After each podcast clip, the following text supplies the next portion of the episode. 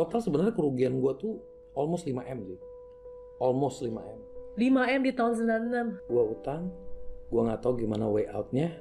Nah itu gue nggak ada cara lain. Mau nggak mau gue harus pakai aset keluarga gue. Gue ke orang tua gue. Gue kneel down. Gue pegang kaki nyokap bokap gue. Gue nangis. Gue minta maaf. Dikasih. Dengan satu kalimat. Terima kasih. Hari ini lo udah bawa kita semua ke pinggir jalan. Itu momen gue. Gue nunduk aja gue nggak bisa. Gemeter gue. Bener-bener malu. Tapi gue nengok lagi ke mereka. Cuman bilang. I will return you three times. Nah, gue dapat komisi misalnya satu karton dapat 2000 perak. Nah, satu kontainer tuh bisa 2400 karton. Kayak begitu gue jalanin almost satu setengah tahun. Utang gue lunas.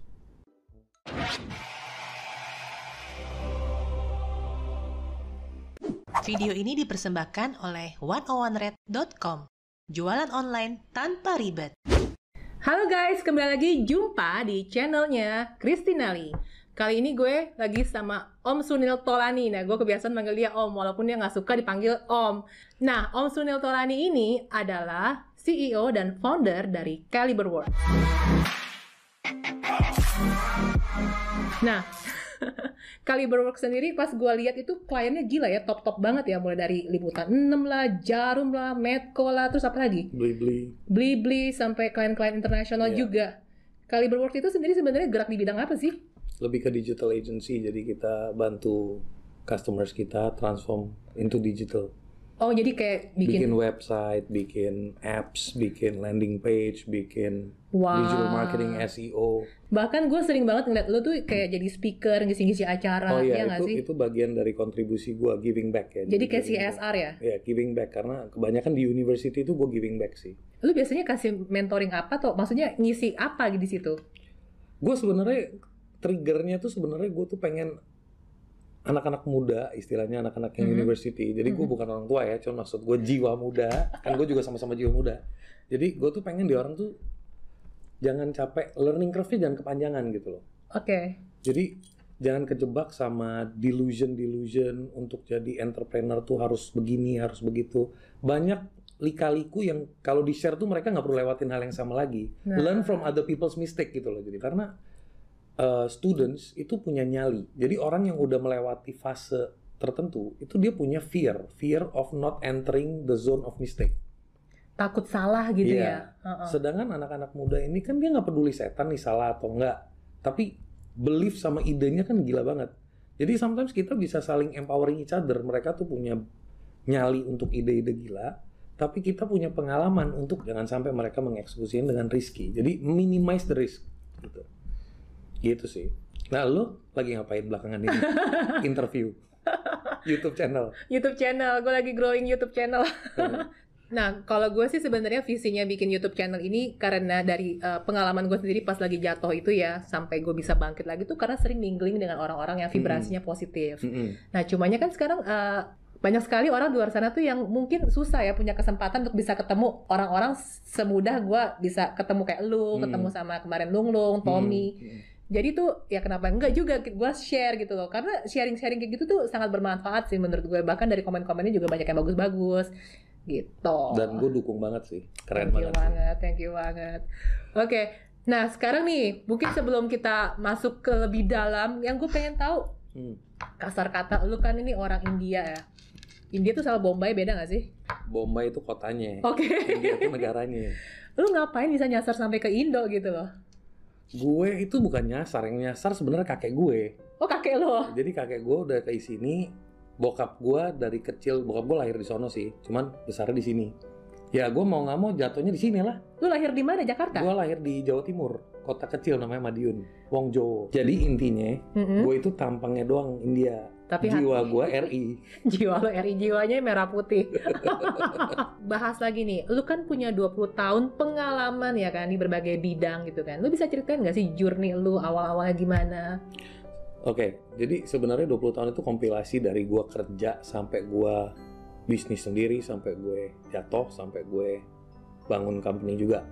Gue mulai itu sebenarnya dari high school. Jadi gue dulu keluar dari high school gue langsung kerja karena ada momen di mana gue kecilnya tuh SD-nya tuh masih jaya-jayanya lah.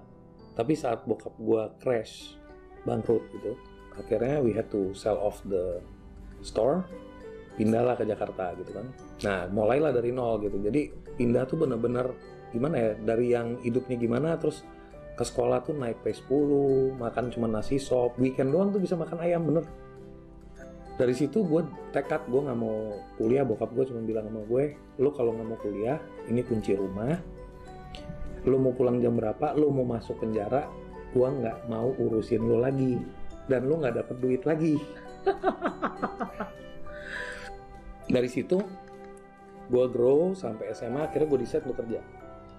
Nah gue kerja gue di bidang komputer gue suka komputer karena gue masuk ke computing gue masuk ke programming itu pun gue waktu itu nggak punya komputer Gua cut bentar. Lu akhirnya kuliah gak sih? Enggak, gue nggak sempet kuliah. Tapi bokap lu udah cuek aja. Kan bokap gue udah kasih gue kunci. oh akhirnya pas dia bilang kasih lu kunci, ya udah lu tetap gua gak mau kuliah. Gue bilang, dia kan bilang kalau lu nggak kuliah, gue kasih lo kunci, lu urus hidup lu sendiri. Oke. Gitu. Nah, gue di SMA itu gue memang udah decide gue pengen jadi programmer back in the days. Ya, dan programmer pun gue nggak pernah ikut kursus. Gue punya temen yang dulu ngerti programming ngajarin gue. Jadi gue nggak punya duit untuk bayar kursus. Dan gue tuh dulu tipenya itu determination gue tuh pakai kalau gue harus belajar sesuatu, no matter what gue harus belajar gitu. Gimana pun caranya. gigih banget lah. Iya. Oke. Dulu tuh gue jadi kayak maklar ya. Teman-teman gue kalau mau beli komputer itu pasti ngajak gue. Nil gue beli komputer lo yang ngerti speknya gini gini gini. Nanti Hmm. gue bakal ajak dia orang ke Orion. Hmm. Nanti ya gue dapet komisi Kayaknya dari toko. Orion Glodok. Iya, Orion Glodok zaman dulu kan, zaman Oke. dulu kan toko iya, komputer iya, paling iya. banyak di situ. Jadi gue suka dapat komisi.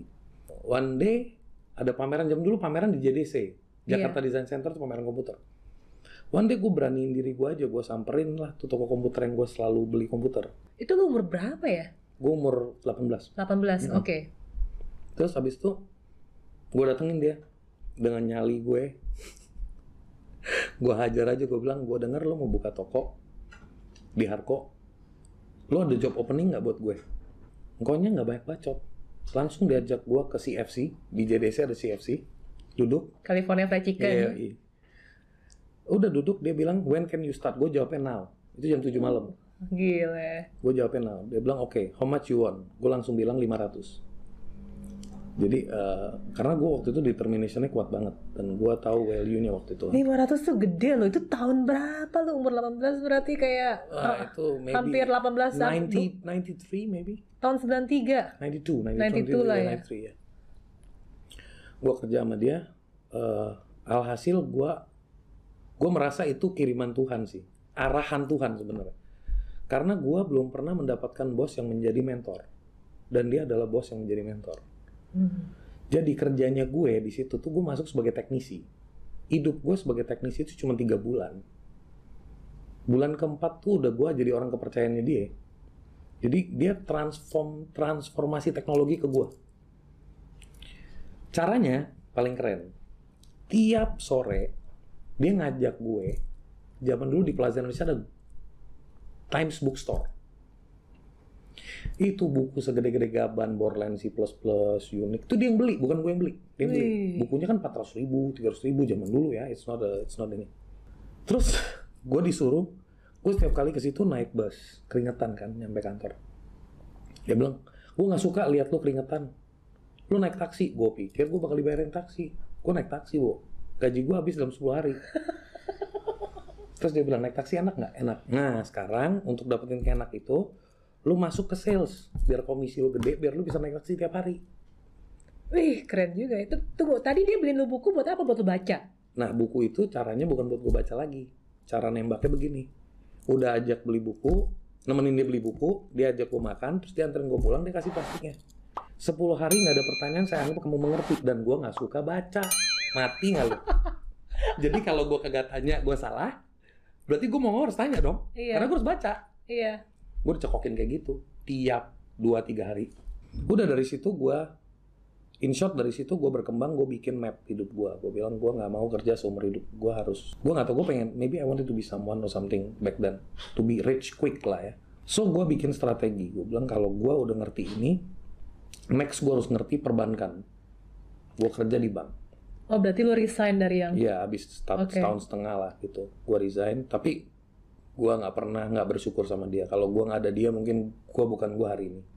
And gua kerja di bank. Gua kerja di salah satu bank swasta. Dan habis itu di situ gua banyak belajar juga. Gua masuk di IDP-nya, Electronic Data Processing. Oh oke. Jadi yang ngurusin komputerisasi seluruh komputer bank itu ada IDP-nya. Jadi dia yang ngurusin semua. Kan IDP itu boring ya. Hmm. Lu cuman kerjain nungguin kalau ada komputer hang atau ada Iya. apa, lu lu backup data, kerjanya gitu doang. Hmm.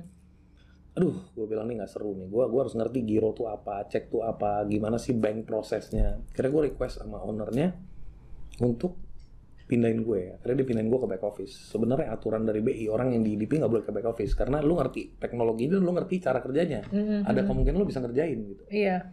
Terus gue dipindahin ke bagian deposito. Nah, gue jadi ilmu lobbying gue kebangun tuh. Ya udah, akhirnya dari situ gue ngasah ilmu lobbying gue. Dari situ akhirnya gue decide terus gue bilang, nah sekarang udah ngerti bank. Sekarang gue nggak ngerti gimana cara bikin perusahaan. So gue bikin lah sama teman-teman gue. Tapi sebenarnya gue nggak ada niat bisnis. Gue cuma niatnya iseng.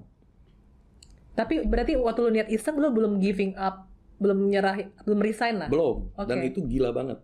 Gue bikin PT namanya PT Pandawa Polatama karena berlima. Pandawa Polatama, Polatama. Masih iya. ada nggak tuh sekarang Udah berarti? tahu Udah. Udah ke laut kali. Nah, di situ gue belajar, oh gimana urusan sama notaris ya, gimana bikin PT ya, akte, pajak. Back in the days kan kita harus belajar ya. Dan gue masih umur 21, eh, 20 I think. 20 lah ya. Kan lu 18 Iya. tadi yang di Iya. kerja di Orion kan? So, gue bikin Hmm. tuh PT, Hmm. gue bikin title gue Managing Director. Oke? Terus gue ke bos gue dong di bank. Dan perusahaannya ngapain? Jual komputer rakitan. Karena gue kan belajarnya dari dari bos gue yang lama, perusahaan komputer rakitan. Jadi lu bikin perusahaan, bergeraknya bikin komputer rakitan, Iya. terus lu Nawarin ke Nawarin? bos gue di bank, ke bos lu di bank. Heeh. Kalau lu butuh komputer buat bank, lu belinya dari gue aja. Gue managing director di perusahaan gue. itu istilahnya bego tapi berani gitu kan. Tapi ya alhasil gue dikasih kesempatan. Tiga bulan kemudian ada tender kayak untuk komputer gitu. Gue dikasih kesempatan untuk supply 20 unit komputer. Gue bersyukur sekali. Determination gue dari situ mulai gue bilang udah gue nggak mau kerja dulu tapi gue harus smart. Gimana caranya gue punya income stabil, tapi gue juga harus punya bisnis.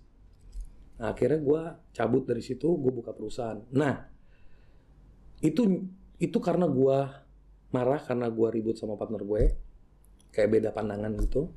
Akhirnya gue buka perusahaan sendiri. Gue jualan komputer juga, tapi ternyata gue dapat akses kan waktu di bank kan gue banyak kenalan gitu ya. Iya.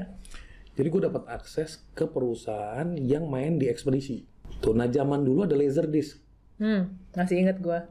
Nah, terus begitu Laserdisc udah udah lagi jalan, keluar lagi VCD. VCD, Nah, ya kan? dulu kan orang yang punya Laserdisc itu kalau beli VCD player mahal. Masih ingat nggak ada zaman Laserdisc bisa dikonvert menjadi VCD? Cuman dipasangin PCB doang. Wah, gua nggak inget. Oke, ada zamannya itu. Itu gue masih ingat di pos kota gue lihat tuh di koran pos kota kan banyak tuh iklan-iklan. Di Glodok gue cari ketemu orangnya. Itu sekali ganti itu 250 ribu.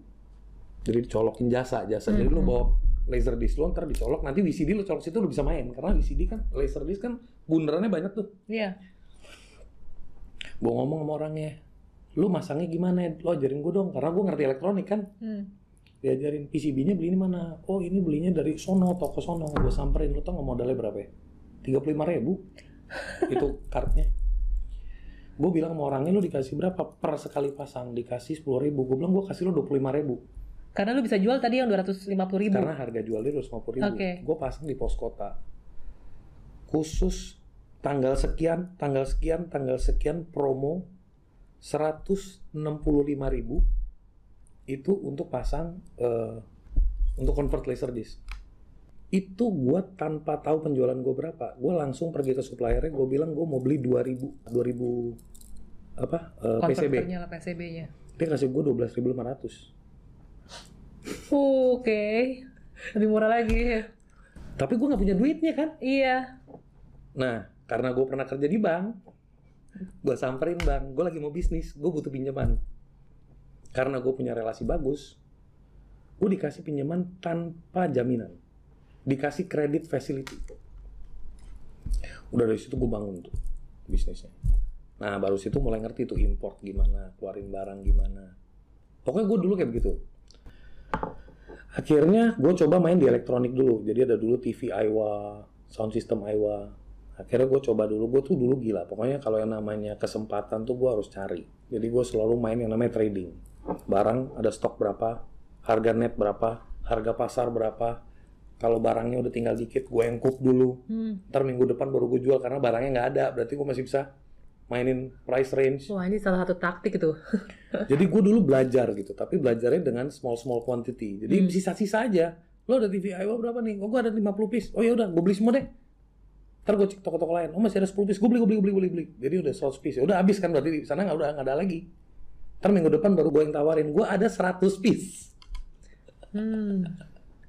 Ini cara-caranya lumayan licik tapi keren banget ya. Nah dari situ gue belajar, gue belajar emang butuh butuh guts, butuh guts untuk ngomong kayak begitu dan dari proses itu makanya gue gue coba karena lu nggak ada guidance kan, lu nggak ada guidance, lu harus berjuang sendiri, lu harus maju sendiri.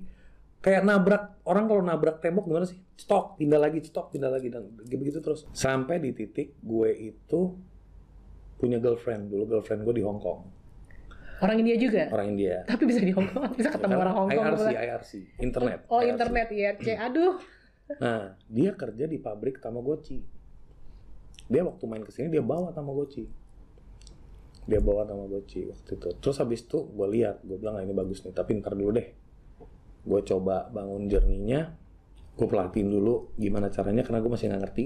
Gue main dulu nih di Orion. Karena gue kan dulu kerja satu-satunya Bombay di Orion waktu gue kerja sama bos gue, bos gue Iya, punya toko gue di situ kan. Gue sempat mau nanya tadi gila lu, lu tuh orang Bombay terus kerja di Glodok tuh aneh banget sih. Ya, makanya benar paling aneh dan eh, dari situ gue jadi banyak kenal kan, banyak Hmm. kenal kongko di situ dan eh, back in the days. Jadi akhirnya gue coba datang nanyain kalau mau masukin barang caranya gimana? Gue karena mereka ada yang importir, ada yang jadi gue banyak belajar gitu dan gue connect sama ekspedisi. Jadi gue gue coba mencoba mengkonekkan informasi Hmm. untuk belajar. Akhirnya pas Tamagotchi gue lihat gue kan dikasih as a gift. Ini addicted juga nih. Anjing harus dikasih makan, harus ini. Wah, ini lucu nih barangnya nih. Sebenarnya sudah ada yang jual di Plaza Indonesia. Tapi very limited quantity. Harganya mahal banget, 200 ribu, 150 ribu. Gue bilang sama girlfriend gue, sorry sisternya yang kerja di factory. Gue bilang kalau gue mau import ini boleh nggak? Tapi gue nggak minta banyak-banyak dulu, lu kirim 500 piece dulu boleh nggak? Gue punya duitnya nih sekarang. Nah dari situ gue mulai growing kan. Gue punya duit, gue beli. Itu 500 piece, gue bawa ke semua toko. Gue titipin 55, 10, 10, 55, 10, 10 piece. Gue bilang sama tokonya, kalau jual laku duitnya buat lo. Kalau nggak laku lo balikin gue. Gue kasih lo waktu dua minggu. Jadi gue kasih barangnya free of charge. Taruh di semua toko. Dulu harga modalnya berapa tuh waktu itu? Lu inget? Masih ingat 21 ribu. Oh jadi lu 21 masih ribu atau Oke. 36 ribu gue lupa. berarti modal lu buat kayak kasih free itu sekitar 10 jutaan lah Iya. ya. Terus udah gitu eh, teman gue kaget lu ngapain begitu? Gue bilang tenang. Mereka semua kalau dapet cuan, mereka pasti balik lagi ke gue. Tapi waktu itu gue bego dan pinter. Begonya gue nggak tahu kalau pebisnis juga bisa melakukan hal yang sama. Tapi ini adu-aduan cepat. Nah karena hubungan sudah terjadi, mereka pada dengan gampangnya daripada gue import, gue pesan sama Sunil dong. Iya. Telepon, bro, udah habis nih, gue perlu lagi, kirim gue 100, 100. Nah mulai tuh, gue import satu kontainer langsung. Gue import satu Gila kontainer. gue tiba-tiba denger cerita lo kayak ting gitu kan dapat ide buat bisnis Umay Colors gue nih. Oke Nah terus terus abis itu gue coba, gue import satu kontainer. Barangnya belum nyampe, sudah pre-sold dalam tiga hari. wow. Satu kontainer itu berapa banyak? Waktu itu satu kontainer itu sekitar hampir kalau nggak salah 6.000 piece ya. Nah, eh habis itu business was doing well, margin was more than 200%. Um, it was good. Itu margin tuh ke supply eh ke sorry ke seller-seller lo ya? Iya. And then habis itu jalan-jalan jalan-jalan ya gue umur 20 akhirnya bisa kebeli BMW sendiri dream car gue waktu itu. Gue kebeli tanah kontainer. Gue masih ingat tuh tahun 96 tuh. Habis itu gue habis import satu kontainer gue lihat ini marketnya bagus nih. Gue spekulator juga kan namanya semangat gila lu. Langsung belum apa apa gue import dua kontainer. Gue masih aman tuh. Hmm. Tapi nggak berapa lama harga mulai crashing down karena udah ada importir-importir lain. Eh, iyalah. heeh. Gue untuk menangin market waktu itu nyali, gue import lagi 5 kontainer. Biar apa justru? Gue mau barangnya gue spread segitu banyak karena makin banyak gue beli kan cost gue makin kecil. Iya sih. Yang gue dan best part gue tuh dapat deal dari pabrik tuh letter of credit bayarnya 180 hari ngutangnya Oh. 6 bulan. Oke. So karena relation kan, Iya. So, eh, habis itu gue mana tahu Indonesia mau ambruk dolarnya dari cenggo jadi 12.000 ribu. Oh iya tahun 96 itu iya bener banget dolar dari 1500 naik 12.000. Iya iya iya. Nah, di situlah ambruknya gue. Oh jadi pas karena lu ngutang yang dikasih utang 6 bulan pas 6 bulan kemudian dolarnya naik gitu Yoi, kan. betul. Ah gila. Nah, di situ itu sih wah gamparan paling keren tuh sih. Jadi di akhir tahun itu, akhir tahun 96 kalau nggak salah. Gue udah lagi nikmat-nikmatnya hidup gue, ya kan?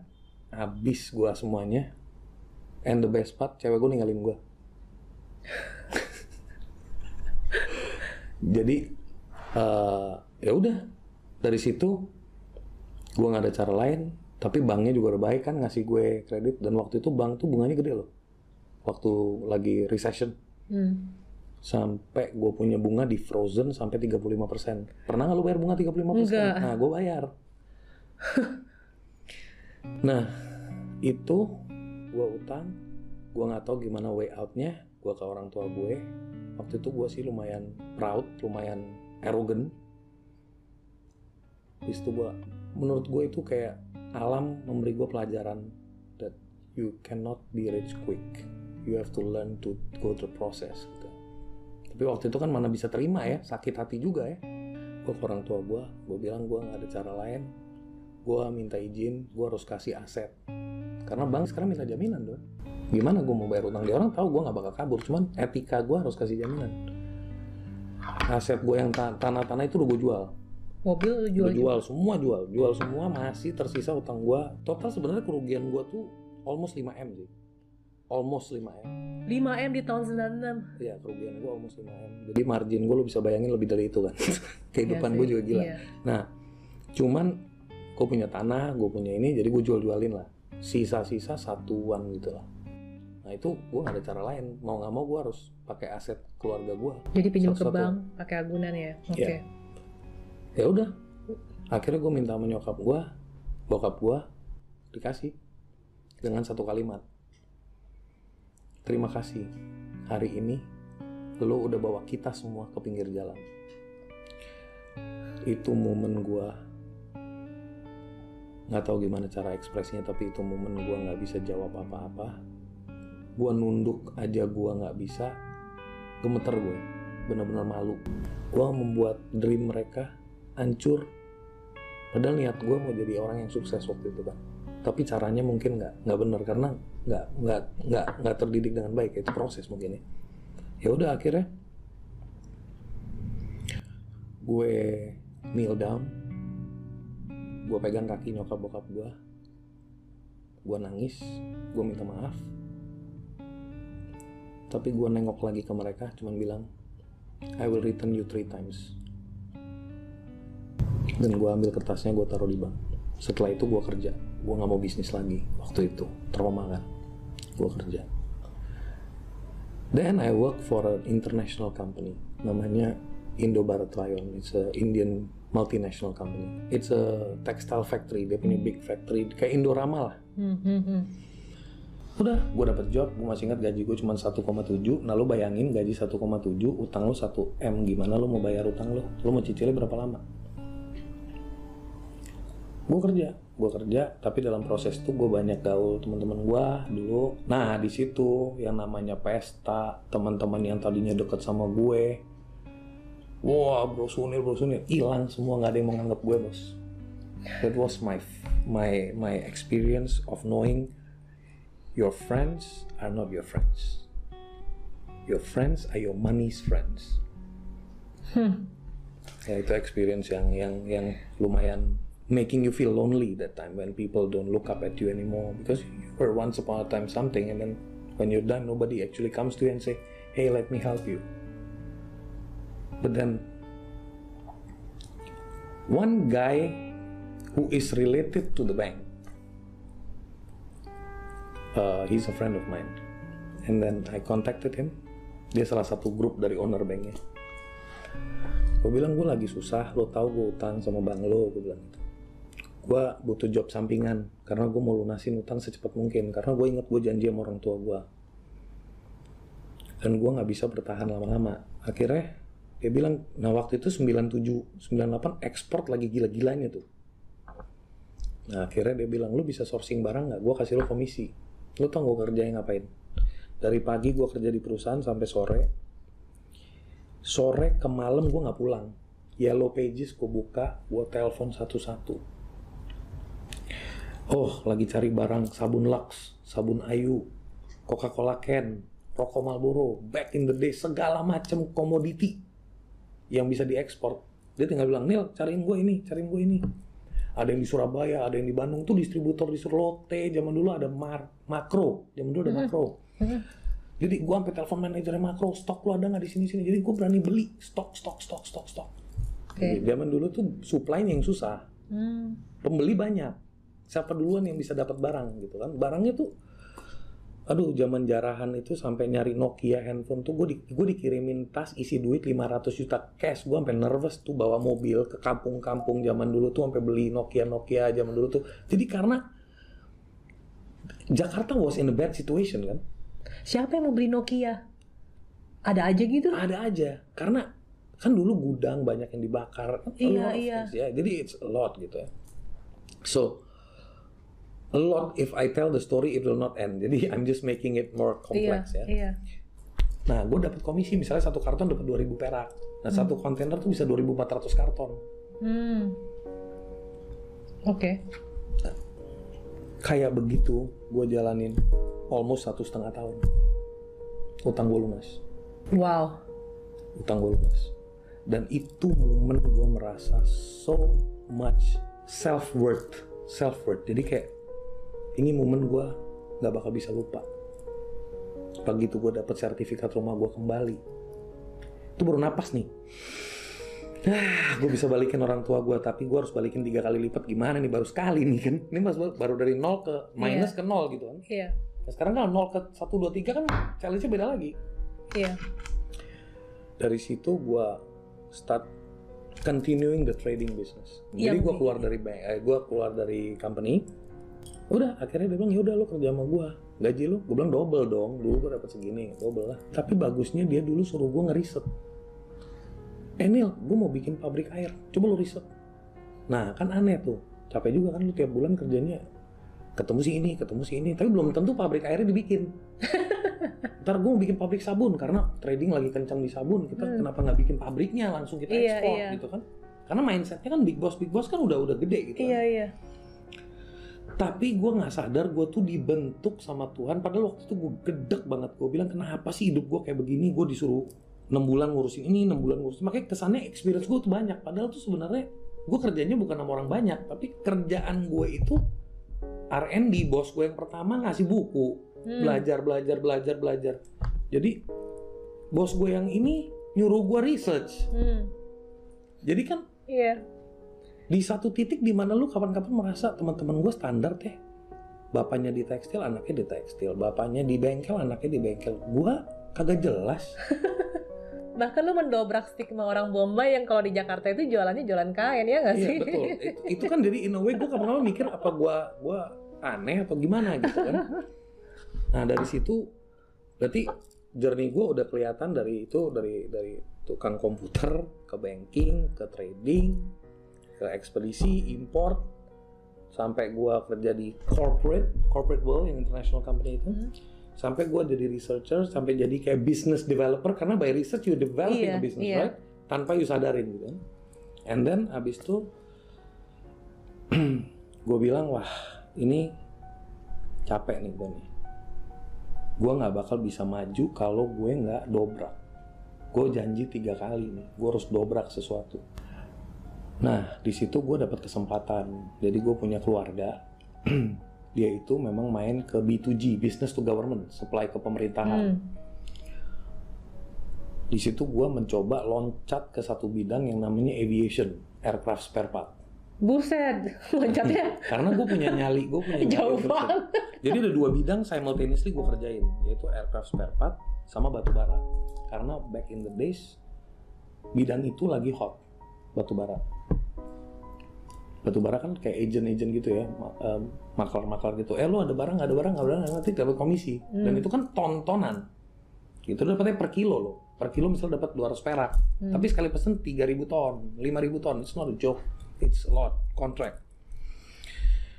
Dari situ gue mulai build up, build up, build up, build up, build up, build up sampai di suatu titik gue achieve uh, moment of truth di mana gue bisa ngancurin rumah gue, gue bangun tiga lantai Wih. dan habis itu gue dan itu gue visualization, the power of visualization ya. Jadi gue tuh dulu tuh nggak punya duit, tapi gue berani pergi ke desainer arsitek, bilangin dia tolong desainin rumah kayak begini dan tiap malam gue suka ngeliatin tuh one day I'm gonna live in this house, one day I'm gonna live in my parents will be like this. Sampai carportnya, sampai model karnya ini kebelinya juga sama persis kejadiannya itu. Baru gue nyadar habis berapa tahun kemudian ada yang namanya The Secret. Iya. Ternyata The Secret ngomongin gituan. Jadi Law of attraction. jadi gue tuh sempat melakukan itu dalam imajinasi gue, terus baru gue baca, baru itu tulis, baru oh, I've done this before. Now, when that happened, uh, I gave my keys of the house first to my mom and my dad to thank them that I have fulfilled my. Jadi gue tipenya gini, gue kalau udah bilang sama mereka, I gotta make it happen. If I don't make it happen, I will not rest. Oke Om Sunil, berarti kalau gue tarik kesimpulan, lu itu kan di tahun 96 kolaps kan, yang lu masukin Tamagotchi, terus sampai akhirnya nggak gara dolar naik, ambruk lah, lu utang 5M ya kan, terus lu jual-jual semua aset, rumah lu, mobil lu segala macam, sampai sisa satu setengah M ya, Hmm, satuan lah. satu satuan M ya, dan dalam satu setengah tahun lunas Yes, tuh. ya. Nah, dari journey lu ini kan lu berarti sambil kerja kan?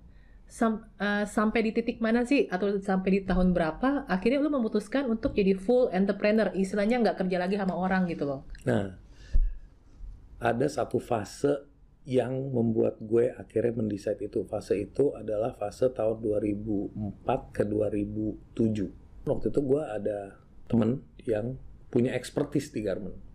Gue sambil belajar, tapi gue yang punya kepercayaan dari bos gue. Nah, one fine day, ternyata temen gue ini ngerugiin perusahaan, menggelapin uang lah. Jadi mem- membuat laporan-laporan palsu gitu, dan gue nggak tahu. jadi sekalinya lu masuk bisnis malah lu kena lagi masalah gitu Iya gila nggak? Jadi ada aja gitu kan. Nah tapi gue kena imbasnya. Imbasnya tuh jadi gue kayak terfitnah gitu. Karena asumsinya bos gue, gue sama temen gue kong kali kong. oke itu ngegelapin sampai berapa duit itu 500an juta. Gila Dan itu momen di mana gue, bos gue sempat marah banget. Tapi temen gue sempat masuk penjara. Dan eh, karena buktinya lebih ke dia sih. Tapi bos gue masih menganggap itu.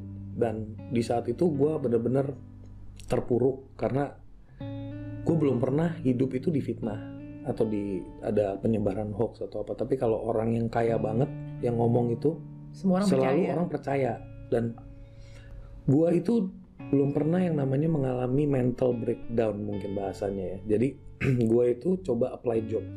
Ke mana pun gue pergi di kalangan komunitas gue nggak ada yang terima gue. Sampai ke titik terakhir gue sempat apply ke M. Dan akhirnya di momen yang waktu gue interview sama bosnya M dia ngomong gue sorry nggak bisa terima lo Kak. tapi dia bagusnya dia nggak langsung bilang sorry dia cuma nanya dulu gue denger lu sempet ngelapin duit gue denger lu sempet masuk penjara. Nah itu kan udah kayak fitnah tingkat dewa gitu kan. Nggak tahu di momen itu gue kayak punya satu keputusan. Ini lu tuh mau you wanna die in shame atau lu mau rise in faith? Faith iman faith, gitu ya? yeah, rise in faith. Karena Oke. honesty is the best policy ya. Jadi rise in faith gitu. Gua momen itu gua melihat terjadinya miracle sih jadi gua bilang sama bosnya lu tel daripada lu dengar gosip lu telepon orangnya langsung ini gue kasih lu nomor telepon dia yang di US nomor telepon Singapurnya sama nomor telepon Indonesia-nya mantan bos lo Iya, karena dia sebenarnya sohib gue hmm. karena per- pertemanan kita yang begitu baik dia merasa sakit hati karena dia pikir gue kong kali kong. Tapi akhirnya dia tahu sebenarnya lu nggak. Nah sampai di momen itu sebenarnya kan kita nggak ngomongan, jadi gue nggak tahu dia tahu atau nggak, Hmm. karena kita nggak ngomongan. Akhirnya gue tinggal, tapi gue tinggal dengan faith. Gue keluar dari situ dengan faith, faith bahwa gue nggak perlu membela diri gue, tapi gue perlu stand strong. That if I'm right, I'm right. Gue nggak perlu menekan diri gue, gitu. Gue pulang. Yang gue lakuin adalah gue let go semua rasa fear gue dengan doa. Gue tidur. Shockingnya besok paginya, gue tuh nggak pernah seumur umur angkat telepon jam 7 pagi. Telepon rumah khususnya. Itu bos gue itu nelpon dari US. Mantan bos lu ini. Dan gue kaget. Dan dia bilang, Neil, gue dapat telepon dari bosnya si M. Dia nanya soal lo. Gue kasih dia full guarantee that you are clean. Wih, Itu gue nangis. Gue merinding sekarang. sekarang gue juga merinding denger. eh gue bilang gila. When you rise in faith, you don't know what happened. Gue dipanggil sama bosnya. Dia mau kasih gue jobnya waktu itu. Tapi waktu itu gue udah kadung down ya, udah kadung down. Lu gimana ya bayangin rasanya lu pergi ke semua pintu lo ketok dan semuanya menganggap lu you're nothing. How do you feel? You feel super shit. You feel like life lo itu kayak ya you you you feel like what to do what to do next? Hmm, ngerti. how can I build my life? I've gone through a lot man. This is ini bukan kesalahan gue gitu loh. Tapi di saat itu gue bilang I'm done with working for people. I'm done with working for people. I have to build my own company. Dari situ gue decide untuk jadi full time entrepreneur. Dan gue jadi full time entrepreneur with zero capital. Nggak ada yang modal. nggak ada yang modalin. Nggak ada yang modalin. gue buka perusahaan Caliber Works dulu namanya Caliber Networks. Itu pun teman-teman gue duduk sama gue. Oh. Sebelum itu ada fase yang menarik fase peningkatan keberanian. Jadi gue akhirnya di set one last shot gue kerja lah sama satu perusahaan trading. Itu gue dipaksa. Jadi itu Tuhan kasih miracle. Gue dipaksa sama bosnya ini teman gue juga. Ini lo join gue. Nah gue udah decide untuk buka bisnis kan. Gue bilang gini deh gue kasih six months. Kalau enam bulan gue nggak bisa perform maksimal sebaiknya gue keluar. Gue nggak mau waste lo punya duit dan waktu gue. Karena gue merasa enough is enough. Gue nggak mau tapi ini orang yakin banget sama gue. Disuruh masuk ke dunia trading yang zaman dulu gue lakuin trading. Tapi ini kali tradingnya beda bos. Tapi ini different person ya sama Different yang zaman person. dulu. Oke. ini tradingnya kimia. Mati nggak lo tapi gue waktu itu dalam kondisi zero jadi gue pikir oke lah Tuhan membuka pintu untuk income dulu. Fine let me do it. Gue pergi. Gue pergi trading ke Afrika bos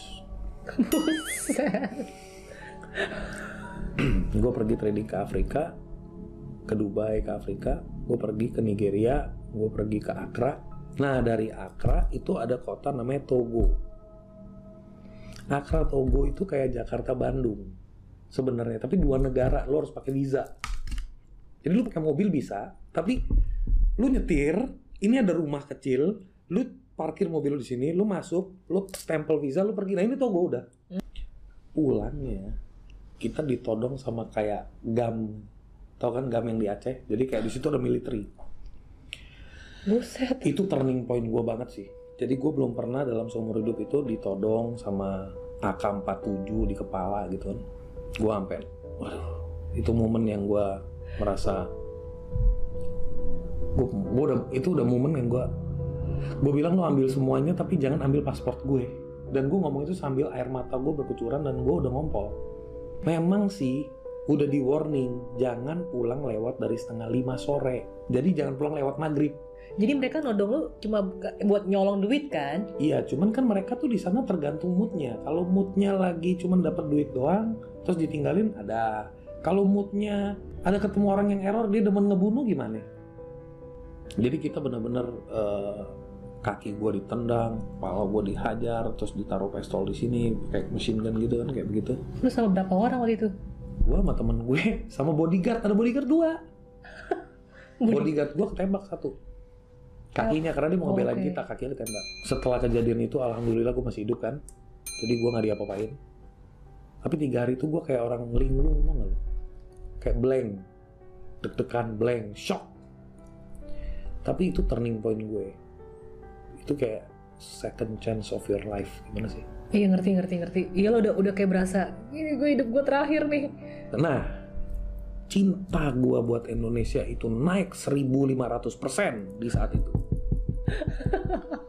gue bilang gue cinta banget sama Indonesia, gue cinta banget orang-orangnya amazing, loving, nggak sekasar di sini, nggak semengerikan di sini. Jadi pas gue balik, gue nemenin temen gue one day ke Tanah Abang, gue sempat mau ditodong, orang yang nodong gue gampar. Lo dong pakai habis pakai pisau. Gue gampar. Sambil gue ketawain dia. Lu belum pernah kena pistol kan? Jadi gue merasa ya ampun gitu. Tapi di situ gue merasa nyali gue tuh berubah gitu. The value of life-nya kuat gitu. And dari situ gue mungkin semua itu dibentuk supaya lo jadi a stronger person in life ya. Akhirnya gue decide untuk bangun Caliber Networks. Jadi Caliber Works di 2009 Bentar, berarti tadi akhirnya lo 6 bulan keluar tuh. keluar. Oke. Keluar. Udah mau mati juga lagi. Iya, Gak kerja keluar. di situ. Iya. Jadi melengkapi ya, melengkapi pengalaman gue sampai ke dunia kimia. Iya. Terus habis itu udah eh, gue mulai bisnis gue dan di saat itu gue punya modal seadanya. Waktu itu gue karena hidupnya juga baru mau mulai sesuatu baru gitu kan, gue harus mulai dari nol ya. Gue itu bikin website tuh di awal, lu belum pernah bikin website buat orang, gimana lu mau proof ke orang lu udah punya portfolio? Jadi gue pakai template monster, template-templatenya gue screenshot semua, gue masukin USB. Untuk beli laptop gue gak ada duit. Karena duit gue gue pakai buat ketemu klien kan, gue transport gimana ya? Lalu bayangin gue tuh nggak pede dong. Gue ketemu klien, eh, nih lo ini, ya, ini ada USB nih, lo bisa lihat portfolio gue. Tapi lo kan eh, sebelumnya kan udah kerja-kerja pasti dapat duit dong. Sudah. Apa gara-gara yang lo down yang Yang pas kena hoax itu, Oh, itu kan oke. itu kan second jeopardy kan, second jeopardy. oke. Nah, habis itu udah gue bilang it's okay, gue mulai. Tapi when your determination is strong, everything always have a way out. Hmm. Dan gue bilang ini kesempatan gue jadi entrepreneur pertama kali sendiri, nggak kerja sama orang, nggak ada bos, nggak ada apa, benar-benar sendiri. Ya udah, gue pernah dulu tuh zaman kerja sama orang tuh pergi ke Cempaka Mas, ada toko komputer. Jadi kalau beli komputer dari dia, jadi kayak supplier lah, tapi nggak gitu-gitu deket sih sebenarnya. Tapi gue datang one day ke tokonya, gue bilang kok kalau beli, beli laptop berapa? Dia bilang enam setengah juta. Ini ada nih gue, katanya. Dari Singapura gue baru bawa pulang nih. Nggak gue nanya, kalau mau nyicil boleh nggak? Gue bayar tiga bulan gitu. Dia bilang sama gue, gini deh Nil, lu bawa nih laptop. Anytime you have money you pay. Oke. Gue bilang enggak kok, gue cuma nanya doang. Sekarang gue nggak ada rencana. Gue pas jalan ke mobil, anak buahnya ngintilin gue bawa laptop, taruh ke mobil. Waktu itu mobil masih pakai mobil saudara gue. Gue bilang fine. Gue bilang, gue terima kasih. Gue sedih juga. Di mobil gue emosional dikit karena gue bilang gila Tuhan, lu buka jalan. Nggak pernah nggak lu buka jalan buat gue istilahnya gitu. Dan dari situ gue menyadari ketulusan itu is everything. One day gue datang ke Sinko itu. Kok lu bisa percaya sama gue? KTP gue kagak lu pegang, lu kagak tahu alamat rumah gue. Lu mau denger miracle-nya nggak? Apa? Gue pernah apply job ke satu Bombay. Dan dia tolak gue. Dan gue nggak pernah ngelawan sama dia. Dan itu Bombay temen badmintonnya nih Cina. Jadi Chinese the shop owner main badminton sama si Bombay ini. Dan dia nanya soal gue. Si- Ya, engkaunya ini nanya. ke si Bombay itu, lu Oke. kenal sama yang namanya Sunil Tolani nggak? Dia bang kenal, orangnya baik. Ini kaget nggak lu? Jadi gue bilang, oh jadi ada yang ada yang kayak edify. Edifikasi lo tapi ya, orang yang nolak gue, orang yang nggak terima gue, Waktu yang lu lagi lamar-lamar kerja. iya. Mungkin karena setelah itu nama lo udah clean kali ya. dengan sendirinya. Iya. Dan, dan saya- jadi uh, dari situ gue inget gue dan dari situ mulai gue dapet projects dan mulai dari situ teman-teman gue mulai kasih projects dan gue nggak punya portfolio dan gue ngomong jujur. You know what guys? Akhirnya gue decide gue nggak mau pakai lagi tuh template monster and everything. Gue ketemu this is my fresh company, this is my new experience. Gue mau lo kasih gue kesempatan to make a project for you if you need it. Dan gue dikasih kesempatan dan akhirnya gue mulai uh, start building it up. And every time I hit my target every time I hit my target in just three months I could buy a car. In next three months I could hire many people. And it's like three months. So it went on went on went on. And the staff yang tadinya gue hire nah ini problem. Lo taruh programmer taruh designer taruh ini nggak ada yang stick sama lo lama-lama men. Kenapa? keluar masuk keluar masuk. Hmm. capek pala lo kan? Jadi bisnis naik tahun berikutnya naik lagi capek kan lo gue bilang kenapa ya nih karyawan-karyawan tuh kok nggak bisa loyal nggak bisa kerja? Di situ gue udah mau give up mau kembali kerja gue. Saking empatnya ngurusin Saking. SDM. Di Oke. 2011 Hmm. dari 2007 ke 2011 naik turun naik turun naik turun naik turun. Akhirnya gue punya teman-teman. Gue invite ada tiga teman gue. Gue ngomong sama mereka guys gue punya future-nya begini begini begini tapi gue punya kelemahan nih. Gue nggak punya orang yang jago di sini. Jago di sini. Dan teman-teman gue ini jago-jago. Hmm. jadi yang satu jago desain yang satu jago coding yang satu jago project management. Dan akhirnya gue bilang gimana kalau orang join gue dan akhirnya dan mereka mereka akhirnya setuju. Tapi funny partnya mereka tuh punya brandnya masing-masing gitu. gimana menyatukan mereka untuk men- me- mengembrace brand ini menjadi bagian dari hati dan jiwa mereka? Itu challenge. Akhirnya gue decide untuk pencet reset button. Kita start from zero tapi ini kali start from zero dengan mindset yang berbeda. Nah turning point gue kedua adalah turning of leap thinking big.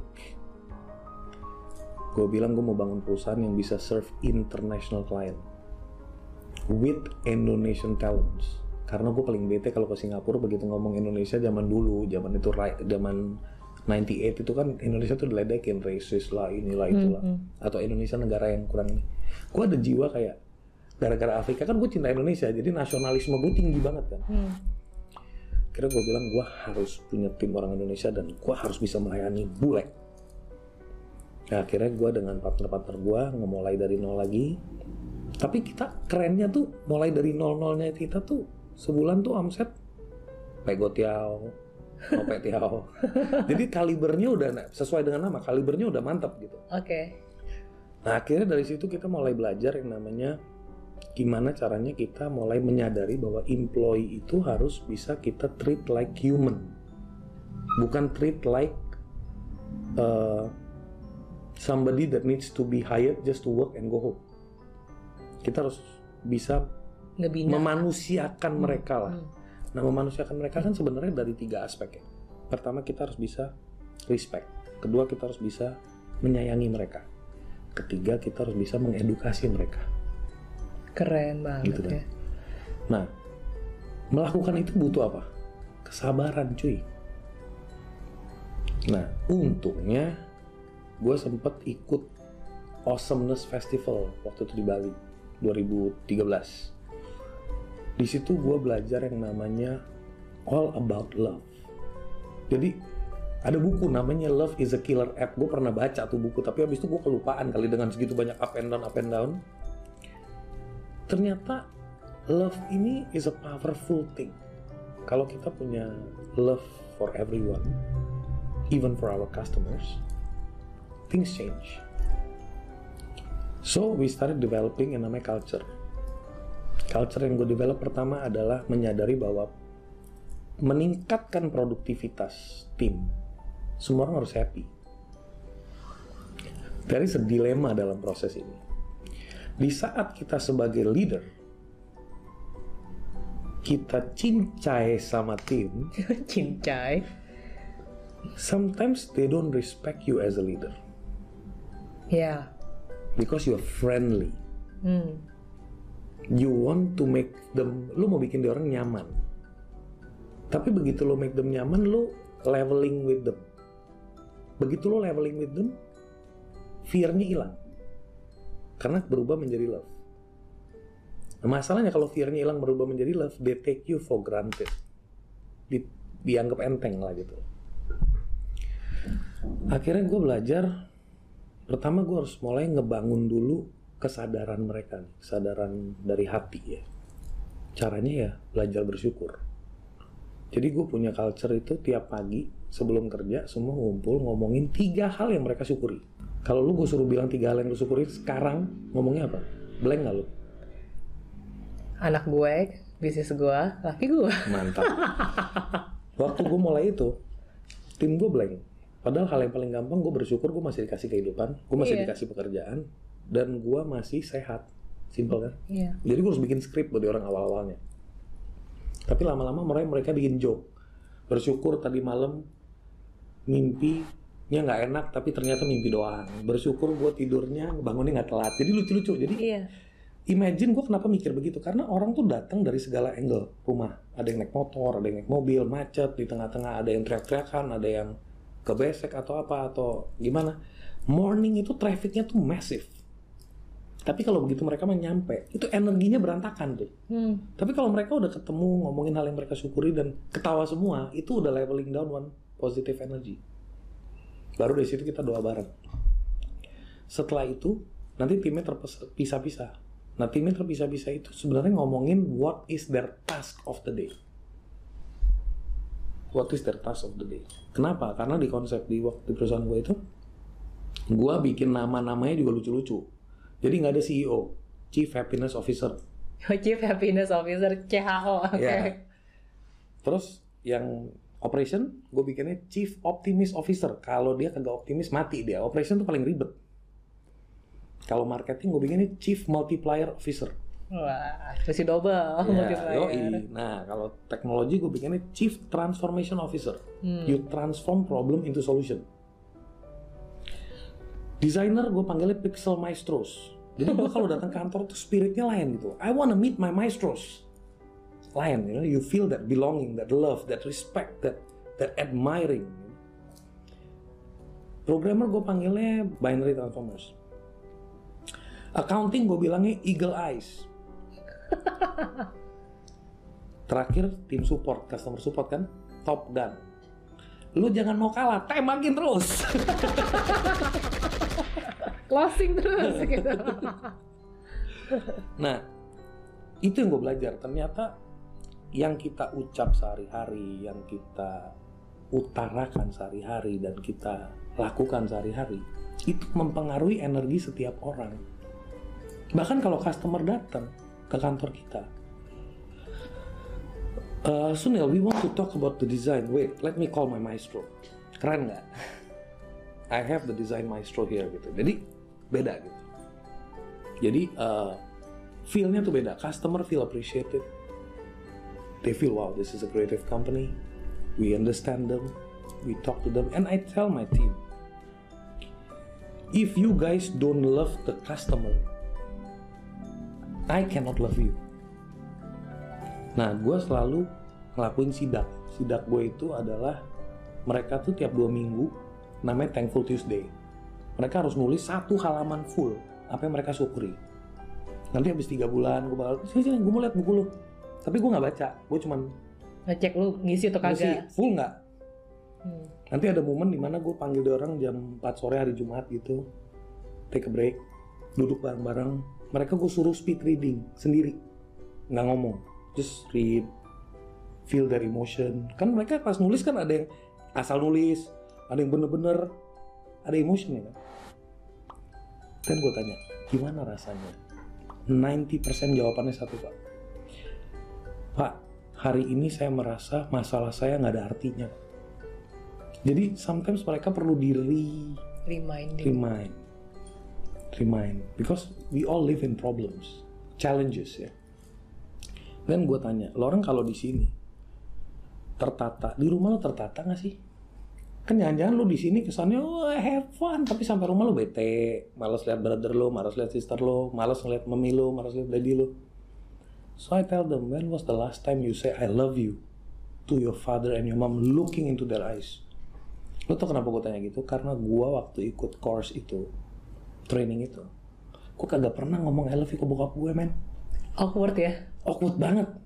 Tapi begitu gue ngomong, gue langsung bercucuran air mata gue. Iya. Oh my God, gue bilang. Di situlah kapan-kapan kita kan ketutup ya. Ini tuh Tapi ketutup. bener tuh. sih. Lu ngomong gitu gue jadi inget waktu gue tuh dinasehatin sama eh, bisa dibilang guru gue lah, guru agama gue gitu kan. Lu pernah nggak sujud sama orang tua lu gitu kan? Lu sujud, lu say thank you, lu say sorry gitu kan. Terus do that gitu kan. Terus akhirnya out of the blue tau gue bilang, Mami, Papi duduk ya di bangku. Terus gue sujud sama si Roy ikutan sujud adik-adik gue juga ngikut aja lagi lucunya kita lakonin gitu Betul. nangis loh gue Bener. Bokap gue nyokap gue juga sampai nangis Yes. dan Tapi feel-nya lain kan. feelnya lain dan ya three months after that kan my dad passed away dan gue so tuh bener-bener apa ya gue merasa re- relief gitu kayak lega gue udah melakukan Yes, itu gitu yes. oh gila itu Kita sih. kan nggak tahu. Dan gue bilang lo orang kebanyakan kalau sama adik sama kakak lo kan cuek-cuek aja. iya Coba lo ngelakuin hal yang sama lo peluk, hug them and say I love you. How you feel? And one testimony that made me touch was one of my staff said we always fight in Christmas because my mom is ang- uh, always anxiety gimana gimana gimana. But Pak, this year we had the best Christmas because I followed what you said. I went to everyone in my family and I told them I love you. And this Christmas was different. Gila. Jadi, I started believing kalau kita bangun perusahaan, kita tuh nggak boleh lupa yang namanya humanity values. Tapi kita juga nggak boleh, kita nggak boleh extremely lebay, loving. Sometimes gotta be strict. Tapi kita nggak boleh lupa sama values-nya. Downside of this is that tim gue jadi solid, productivity jadi gila, cuman tingkat bapernya jadi gila. That's when I realized that ternyata kenapa baper karena memang culture negara ini beda. We live in different country with different culture. Jadi harus ada yang namanya disiplin. Nah, gue itu bukan tipe orang yang percaya sama rules. Karena gue dari dulu juga breaking the rules. Jadi, mostly people break the rule. So, I believe in ethic. Kalau manusia punya etika, tentu dia akan ikutin aturan. Hmm. Tapi kalau dia nggak beretika, dia nggak akan ikutin aturan. Manusia kalau punya etika, dia tahu gimana cara bersosialisasi. Mau itu di sosial media, mau itu di dalam offline ataupun online. Kalau nggak punya etika, ya seenak jidat aja udah. Nah, ethics itu menurut gue lebih mendasar daripada aturan. Jadi orang tuh nggak perlu di... Imagine lu suruh orang, kamu harus masuk kantor jam 9 pagi. Harus. Itu tekan loh, menekan. Tapi kalau untuk menyelesaikan pekerjaan ini dibutuhkan timeline minimal jam 9 lu udah masuk, by the time jam segini lu udah bisa beresin. Nah itu kesadaran. Hmm. Kesadaran sama keharusan tuh beda. Hmm. Nah, kita harus bangun kesadaran itu. Dan alhasil lama-kelamaan kesadaran itu naik. Dan di kantor gue itu kagak ada yang namanya office boy, kerjanya jadi office boy. Office boy gue sekarang udah jadi programmer. wow Office goal gue sekarang udah jadi admin ngurusin keuangan lulusan SD. Jadi prinsip gue tiap bulan dia orang harus beli buku di Gramedia. Terserah yang dia orang suka. Bulan berikutnya sebelum beli buku baru, gue duduk sama dia orang ceritain apa yang lo baca. Seperti bos gue dulu. Cuman bos gue kan dulu ngerjainnya 10 hari. gue kasih 30 hari lah. oke Jadi gue mencoba mengedukasi mereka, niat gue baik. Tujuan gue to build a better human. You wanna build a better company, you should build a better human. Oke Om Sunil gila luar biasa banget ya segala journey-nya sama tipsnya yang handling karyawan with love. Aduh gila. Itu inspiring banget. Nah, sebagai kata penutup nih. Kira-kira kalau lu ngerangkum semua hidup lu dalam suat- satu kata yang pas tuh apa? Ya kalau gue kebanyakan kalau sharing ke teman-teman gue cuma bilang kalau lo mau sukses nggak ada shortcut ya. Jadi kalau lo mau ngegas, kayak kalau kalau bawa mobil gitu ya, Mm-mm. lo ting kalau ngegas mah tinggal pencet gasnya. Mm-mm. Tapi ilmu ngeremnya itu lebih penting. Oh. Ilmu ngeremnya lebih penting. Lebih keren lagi kalau lo bisa menguasai dan mengendalikan diri lo. Bahkan lo nggak perlu ngerem. Berarti lo tahu kapan harus ngegas, kapan harus lepas gas, kapan lo nggak perlu pencet brake. Jadi ngegasnya tuh udah tahu kayak, nih gue ngegas segini aja nih. Yes. Jadi itu semua based on kesadaran Bisa dibilang the mastery, of not thinking of braking. lu mesti tahu kapan ngegas, kapan ngerem. Tapi Iya. yang paling kerennya itu adalah Lu lu nggak perlu pencet rem lagi. nggak perlu pencet rem lagi. Lu Karena lu nggak perlu. Ya lu udah tahu. Oke, kalau kata penutup dari gue, jadi dari hasil gue ngerangkum nih ya, eh, dari perjalanan hidupnya Om Sunil sampai yang kemarin-kemarin gue interview, gue tuh makin gimana ya ngeliat tuh ada hidup tuh penuh kemungkinan gitu loh. Kemungkinan lu bisa kaya, kemungkinan lu bisa sukses lah, kemungkinan ya segala macam kemungkinan. Bahkan ada lagi, kemungkinan itu pasti selalu ada, tapi kalau gagal itu pasti gitu loh. Kenapa gue bilang gagal itu pasti? Karena kalau lo nggak ngapa-ngapain ya lu gagal gitu. Makanya kita tuh bisa dibilang ada quote tuh it's the possibility uh, that keeps you going, not the guarantee. Jadi asal lu terus coba, mencoba, mencoba, maka peluang itu akan datang gitu loh. Tapi ketika lu nggak mencoba, ya udah gagal itu udah pasti gitu. Oke guys, thank you Christina Lee for interviewing me. Semoga konten yang di-sharing hari ini bisa dipetik yang baik-baiknya aja, pengalamannya. Semoga menjadi inspirasi buat teman-teman.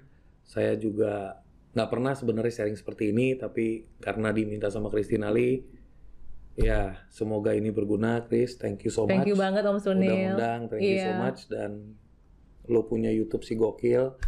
Gua gua selalu nonton, gua Wow, selalu oke. share Keren dan banget. um, keep doing what you're doing. You're great. Um, gue doain 101 Red maju, lo punya Amin. lipstick juga maju, Lume Colors. Lume Colors maju dan semoga kegiatan lo ini menjadi kebaikan buat banyak orang. Amin.